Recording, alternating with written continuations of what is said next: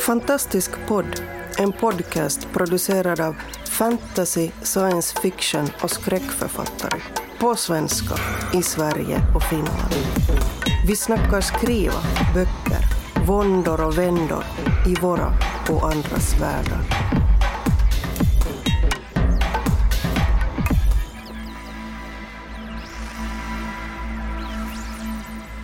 Hej allesammans! Välkomna till det här avsnittet från Malmögruppen av Fantastisk podd. Idag så står jag, Nene Ormes, tillsammans med Karin Tidbeck. Och Kristina Hård. i eh, Karins lägenhet i Malmö. Där vi har träffats för att prata om det där som drabbar alla oss som skriver serier, eller skriver om böcker, eller skriver böcker för översättning. Att läsa om sina egna verk. Det är där vi är i processen just nu. Intressant Kristina. Så är det. Och jag vet inte men vi kan väl alla i alla fall vara lite överens om att det är rätt ruggigt.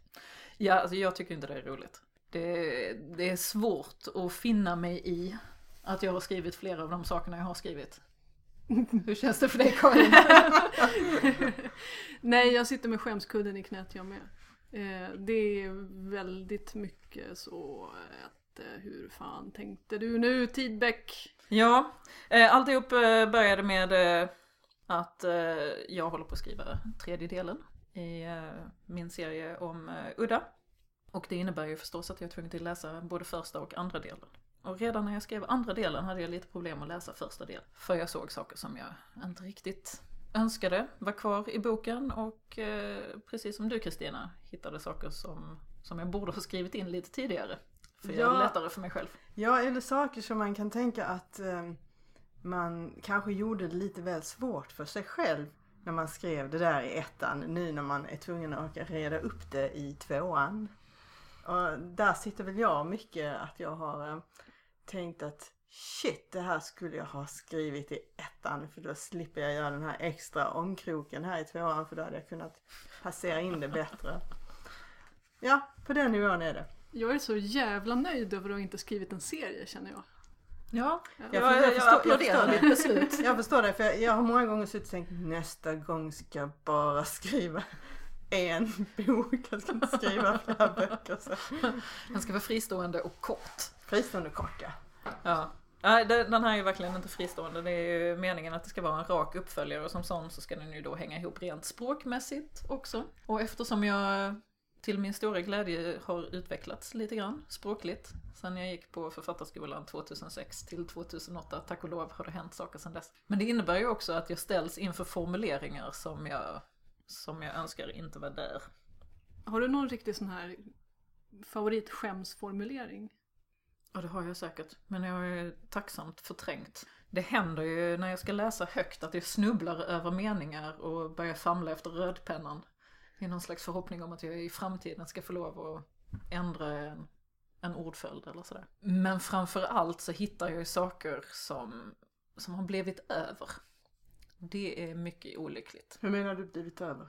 Ja den här boken har ju en gång i tiden sett helt annorlunda ut. Alltså menar- udda. Du menar första boken ja. Precis, Mm. den har sett annorlunda ut från början. Och så skrev jag ju om den tokigt många gånger innan den blev Ah. utgiven. Och bitar av det, det som finns kvar är rester från tidigare versioner. Okej, men det är bara du som ser det. Förhoppningsvis ja. Ja. Eh, Men varenda gång jag ser den så får jag den här sjunkande känslan av Oh my god, är den kvar? Vad, vad gör den där? Var kom, var kom den syftningen och den meningen ifrån? Och också, just ja, det där hade jag tänkt att jag skulle följa upp. Fasiken. Jag får spara det till senare. Men en fråga om det då. När ni då, om ni, för att man skriver ju om, som sagt du har ju skrivit om då gammalt och, och, och, och man skriver om i flera omgångar, det gör du också. Ja, gud ja. Eh, skriver du, tar du in, skriver du aldrig helt om? För jag, jag låter aldrig någonting vara kvar i den formen som det var utan jag skriver om det. Om det så är att jag måste skriva om samma sak, vissa delar. Ja men bitvis tycker jag att du är en übermensch där, det är klart jag inte gör. Jag klipper och klistrar också. Eh, nu, Ja, men jag på menar, mina äldre alltså- klokare dagar så skriver jag om från början. Alltså det är inte så att jag skriver om, alltså jag har ju det bredvid mig så jag har ju förlagan men sen så skriver jag om det då kan jag formulera om när jag känner Ja. att det haltar. Nej, i, i de här fallen har jag ju då helt enkelt bara lyft ut text. Mm. Stoppat in den där den ska vara och redigerat den på plats. Och då blir det kvar saker. En hemlis är ju förstås Uddas ålder. Som är eh, en rest från, eh, från ett av de tidigare. Ooh, Hur gammal är Udda? Ja, hon är ju strax över 21 i boken. Jag hade ju tänkt mig att hon skulle vara äldre. Men eftersom en av omskrivningarna jag gjorde var att skriva den för en yngre Ja, just Läsekrets. det. Ja, det kommer jag ihåg. Samtidigt som jag skrev en annan omskrivning för en äldre läsekrets eftersom jag hade två förlag som var intresserade av boken samtidigt. När jag sen gjorde min, eh, som du kallade Karin, Frankenroman av, av de bästa bitarna av mina olika manus så slank referensen till hennes ålder med från ungdomssidan. Hur gammal skulle hon egentligen ha varit då? Ja, Jag hade velat ha henne närmare 24. Mm. Och jag vet ju, två och Alltså, ett halvt år gör ju inte så jag skulle vansinnigt säga stor så här- men Jag, jag kan känna mig lastgammal nu men jag menar 21, lite över 21 och 24 för mig är inte det en Ja, milsvid Fast livstid. skillnaden är ju hur, hur långt arbetsliv har du haft? Hur många utbildningar har du försökt dig på? Hur många relationer har du hunnit med? Allt det där. Mm. Tack och lov insåg jag ju det innan jag skrev tvåan. Men det var definitivt ett av de ögonblicken när jag kommer till, ja men för helvete. Tack för den Ormes. Kunde du inte bara ha skrivit om det där lite till? Eh, så till tvåan så vet jag ju precis hur gammal hon är. Mm. Men det hade jag förträngt där under ett litet tag. Är Du som översätter dina egna verk, Ja. ändrar du?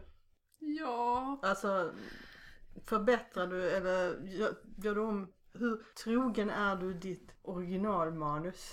Det där är ju, det är ju otroligt, otroligt frestande att eh, börja liksom pilla och fixa och förbättra och snygga till och kanske borde det här egentligen ske på något annat sätt eller borde inte den här personen se ut lite sådär och det är jättelätt att börja göra det när man översätter en egen text. Eh, eller redigerar om en gammal text för den delen. Så jag måste ju hela tiden bita mig själv i fingrarna för att inte börja göra det. Men samtidigt så får jag ju chansen att ändra saker eh, i översättningen som inte funkade på svenska. Eh, samtidigt så jag får en chans att extra gnugga facet i de här riktiga blunders som jag har gjort. eh, så, så, eh, Mm, vad gosigt. Ja men verkligen så. Skrev jag verkligen.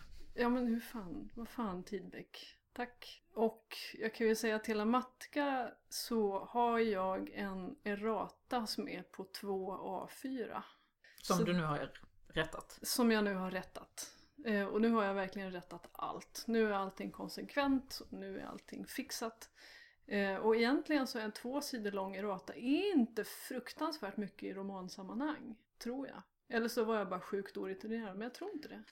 Men jag har ju läst flera romaner där jag har hamnat med just nej, det här stämmer inte med det förra. Nu bytte de hårfärg, nu bytte de ögonfärg, nu bytte de dag i veckan, nu händer samma sak som tidigare. Och rent så strikt inre logikfel.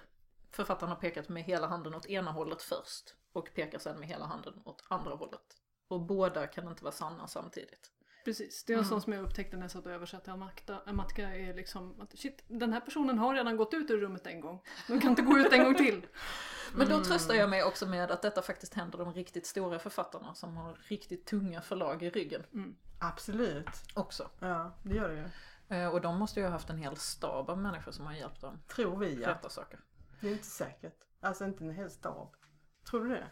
Jag Jag, inbillar mig det. ja man gör ju det. Men jag, jag har ju haft redaktör och korrekturläsare och förläggare och mig själv och mina minst två närmsta skrivkamrater. Och ändå har jag alla de här. Fast ändå så... Små felen i en, boken. Ja, jo men, jo men på något sätt är det som att det... Jag vet inte. Det skulle varit en specialperson just för att hitta felen kanske.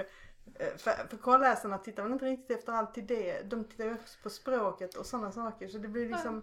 Sånt är ju. Ja, alltså jag tycker att ju bättre, ju bättre det går för en, alltså det här, min, min upplevelse i alla fall vad det gäller utomlands är att ju bättre det har gått för mig desto sämre har folk varit på att granska min text. Jag får inte längre dask för saker som jag har gjort fel eller dåligt. Ja, du pekar på dig själv Nene. Ja, det är lugnt. Jag kommer alltid till att hålla dig kort. Ja men det är bra. Det är skönt, det är skönt att någon gör det liksom. Ja men det, kan nog, det kanske kan stämma att de inte skärskådar lika mycket för att de tror de vet vad de får. Precis, de tror att de vet vad de får när de, de i själva verket får Alltså de tror ju att de ska få entrecote och så får de i själva verket en bajsmacka. Liksom. Nej, nej det får de inte. Men möjligen köttfärs. Leverpastej. Mm. Men det finns ju tillfällen då man blir lite glad av att läsa sin text också. Det måste jag ju medge. Och det är väl det som får en att fortsätta skriva. Ja, alltså jag läser ju väldigt mycket när jag skriver. Alltså om och om igen och flera gånger och, och, och så. Och det, där, I den processen så tycker jag det känns, det, det tycker man allting är jättebra för annars hade man inte vågat skicka det sen till slut. Men sen så känner jag nog att, ja men, det är ju som du säger, man utvecklas. Det är ju bra. Men det kan ju också vara ligga i fatet när man ska, liksom, när man, den här självkänslan i sitt, om sitt skrivande, när man ska ta tag i det så kanske man inte vill läsa för mycket gamla saker innan man skriver nytt igen. Det har ju en likhet med eh, att se sig själv på video eller på tv. Eller, Höra sig själv i poddradio. Ja, det är jättehemskt att höra sig själv i den här poddradion. Det låter jättekonstigt. Men eftersom det är jag som klipper avsnittet så klipper jag bort allting när jag tycker jag ser för dumma saker. Och så låter jag Nenna och Karin som var kvar. ja där måste jag ju medge att när jag redigerade mitt första egna podcastavsnitt eh, härom sistenes uh, Cooking the Books med Sara och Mats. Mm. Så eh, gjorde jag samma sak. Ja. Ja. Jag lät inte deras stå Nej. kvar men jag redigerade bort mig Nej. själv väldigt hårt. Nej, men, men man vänjer sig. Alltså det, det är nog mest bara ovanan i början. Man blir rätt så här liksom chockad. Ens egen röst, låter den så? Säger jag sådana där saker liksom? Men det borde ju gälla för läsandet också. Kommer ni in i ert eget läsande så ni får den här, Du menar läsandet av den egna texten? Ja. Ja. den där Jo. känslan man får när man läser andras böcker, att man liksom sugs in i sin text. Händer det med Fast man eget? vet vad som ska hända. Och det är ett krav för dig, överraskningen. Du läser inte om andras böcker heller? Jag vet inte, jo ibland läser jag om böcker som jag har läst innan men inte så mycket nu. Jag tror jag gjorde mycket mer när jag var yngre. Eh, jag såg att de hade, de hade satt upp på Helsingborgs stadsteater så de satt upp Det blåser på månen. Den boken läste vår lärare för oss när vi gick på mellanstadiet och vi var så imponerade. Det är den enda bok jag kommer ihåg som en lärare har läst högt. Fast de måste ju ha läst flera böcker i klassrummet. Så den försökte jag mig på för något år sedan när jag hittade den. Och eh, jag blev väldigt besviken. Den var hur torr, torr som helst tyckte jag. Och samma med Heinleins böcker som jag också tänkte de ska jag läsa om. Så jag, efter det så höll jag liksom lite med, nej, andra, jag läser dem och sen så har jag dem i mig. Mm. Mm. Men det är inte riktigt samma med ens egna texter, det är inte riktigt de orsakerna. Utan det är nog det, det där med rösten och allt. Ja, man är ju hårdare mot sig själv helt enkelt. Absolut. Jag har upptäckt att jag blir, ju längre bort en text ligger desto snällare blir jag mot mig själv. Alltså jag kan ju känna en väldig ömsinthet mot mitt 25-åriga jag. Eh, som har faktiskt lyckats att skriva den här texten. Alltså fan vad bra gjort! Att du kunde göra det då. Eh, jag hade velat gå tillbaka i tiden och liksom klappa, ja men fistbumpa mig själv liksom. Tala om för henne precis hur bra det var egentligen. Precis, för att jag vet ju att hon satt där och bara hade sån jävla ångest över det. För helvete Tidbeck. Ja men verkligen, för fan Tidbeck. Nu det kanske är så här sju år eller någonting sånt där minst. Så alla celler har förnyats i ens kropp. Så att man inte var samma person som skrev texten. Okej, jag har ett par år kvar att vänta på det här då alltså. På tal om att byta ämne. På tal om det. Nej men det händer ju att man skriver saker som inte platsar, som man lägger undan. Eh, och eh, små snuttar som man sen hittar. Jag hittade faktiskt en snutt i min dator. Jag hade en olycklig datorkrasch nyligen. Och tack och lov sparade jag ner allting på, på hårddisk. Och då hittade jag en mapp med små texter. Där jag hittade text som jag inte känner igen. Som jag inte har någon som helst relation till. Som ser ut att vara skriven av någon helt annan. Men den är min. Det vet du. Jag vet med 100% säkerhet att ingenting i den mappen är inklippt från någon annan. Det är förstås någon annan kan ju ha kommit och skrivit i min dator, det är sant. Du kanske Men- har saveat fel. Men med mindre än att någon har brutit sig in i mitt hem, använt min dator, sparat någonting i min mapp med en fullständigt obegriplig namn, så har jag hittat text som är skriven på ett sätt som jag inte känner igen. Jag tror att det är ditt spegeljag. In, in. In, in. En, en kommer ut ur spegeln på nätterna och sätter sig och skriver. Ja men det var faktiskt rätt bra, jag är inte alls missnöjd över det. Eh, hur är det med er? Har ni små snuttar liggande? Ja, jag har det. Jag har em, en hel del grejer liggande som jag däremot inte har problem att läsa för jag tror att det, det är när, jag har, gett- när någonting är utgivet. Jag tror det är den där skillnaden att så länge det inte är utgivet så har jag chans att ändra saker och då är det okej att läsa det men när det är utgivet så är det så definitivt. Och det är alltid så när man får, får en bok från tryckeriet, liksom när man första gången får sin bok i handen och man slår upp det så hittar man ett fel. Mhm. Och, och, men så länge det inte finns i bokformen eller i fysisk form, bokform, så kan man ju alltid ändra det. Så att eh, gamla texter, ja de kan sitta och peta i och läsa och helt okej. Eh, jag har en, en stor fet mapp i min dator som heter Slasken. Eh, och den sträcker sig från 2001 och fram till i år. Och jag skulle tippa att den innehåller kanske för när vi pratade innan så sa jag 30-40 men jag tror att det kan vara fler, alltså 40-50 novellutkast som aldrig riktigt blev någonting. Och den där går jag tillbaka till. Eh, och kannibaliserar och snaskar på och omarbetar. Så att väl, en väldigt, väldigt stor del av det som jag publicerar består av återvunnet material. Eh, och så även projektet som jag håller på med nu som är ett riktigt sånt Franken-projekt. Byggt av likdelar från din novellkyrkogård. Ja, novellkyrkogården. Ja, det är helt underbart. Den ligger de och försmäktar. Men det är ju också, jag tycker det är ett fint sätt att se på eh, novellens livscykel. Att den läggs på kyrkogården och sen så multnar den och blir till stoft och så får den bli till mat åt eh, någonting nytt som växer upp istället. Ja, det är en betydligt finare bild än min hur du står som en zombiedrottning över din novellkyrkogård och reser upp bitar. Alltså jag tycker bättre om den. Som stapplar ihop sen. Ja, ja. Ja, din egna lilla armé skickas ut i världen. Publish. Publish. Åh, dig. Publicera. Alltså det, det slutar inte så bra för, för, för äh, Frankensteins skapelse. Tyst minut för Frankensteins skapelse. Fan vad deppigt det blev nu. På slutet. det var ju en jättefin bild det här vi hade av, av, av bokzombien. Ja, okej. Tillbaka till att läsa sig själv då alltså. När ni väljer stycken att läsa högt. Det är Ja, det ju ju någonting det. som drabbar oss allihop. Ja. Det beror ju lite på sammanhanget, vad man väljer om det är det du är inne på. Ja. Mm.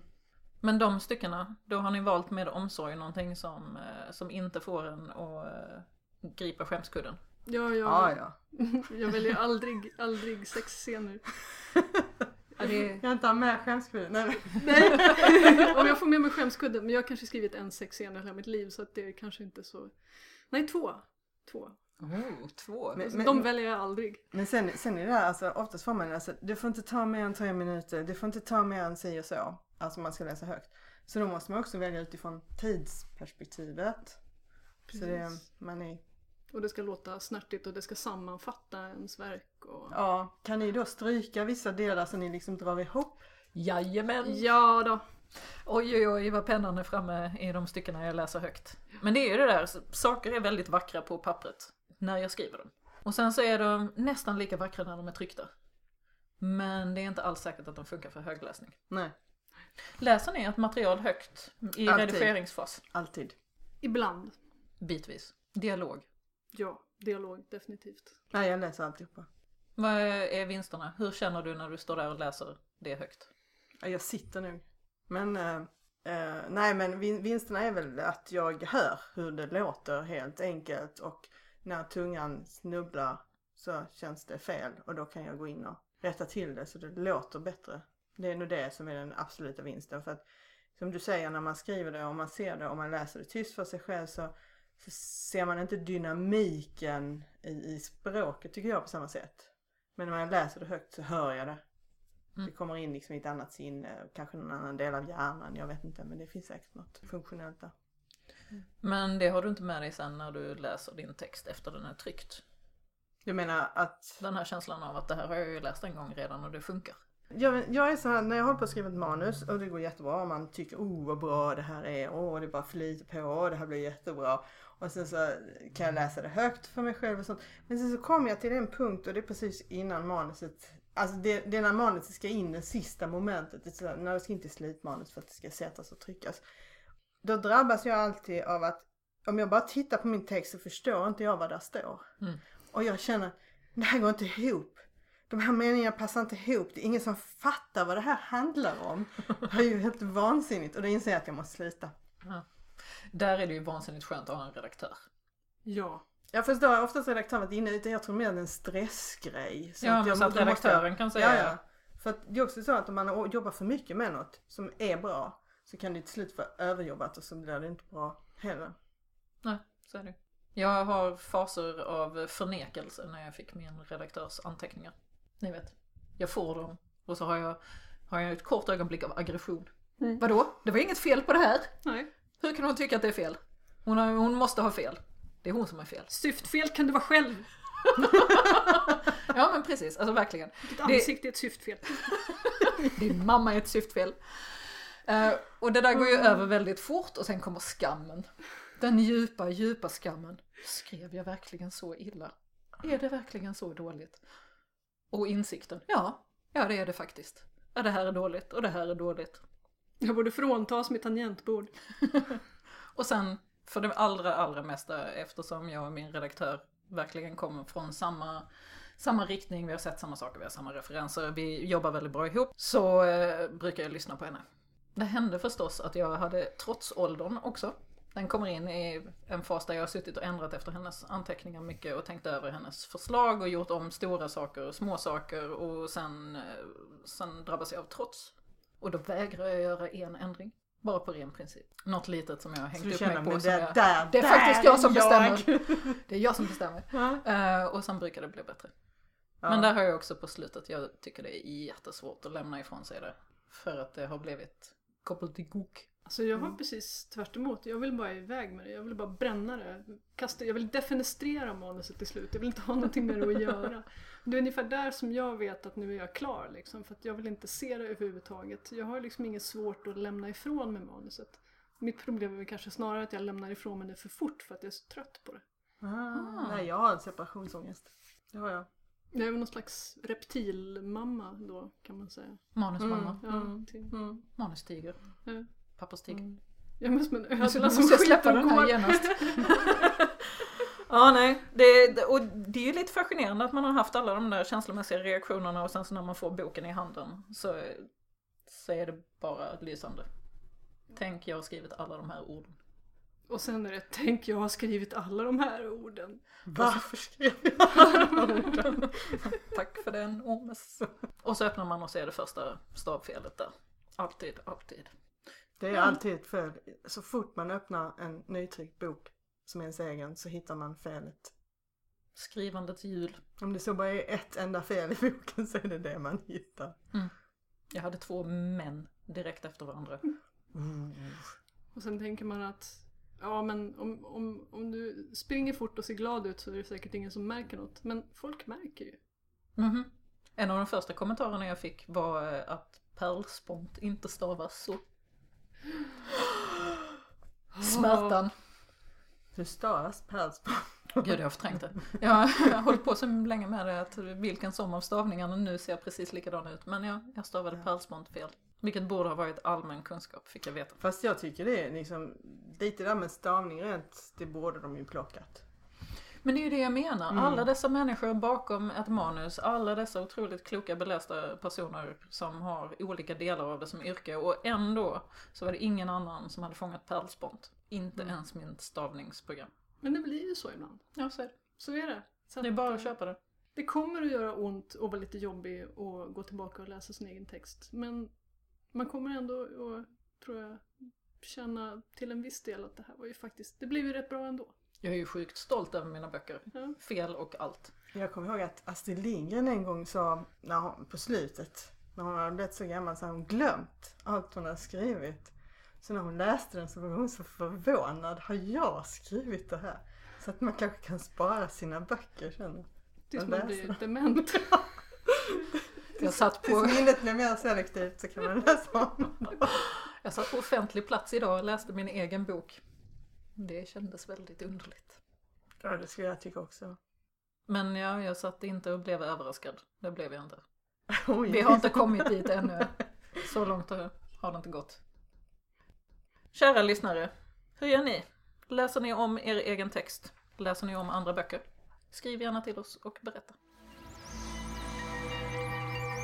Du har lyssnat på Fantastisk podd. Om du trivdes i vårt fantastiska poddsällskap och vill ha mer så hittar du äldre poddar och information om oss som deltar på vår hemsida under fantastiskpodd.se och på vår Facebook-sida Fantastisk podd. Har du frågor eller förslag på vad du tycker att vi ska tala om, hör gärna av dig antingen på Facebook eller via kommentarer på hemsidan. Vi hörs!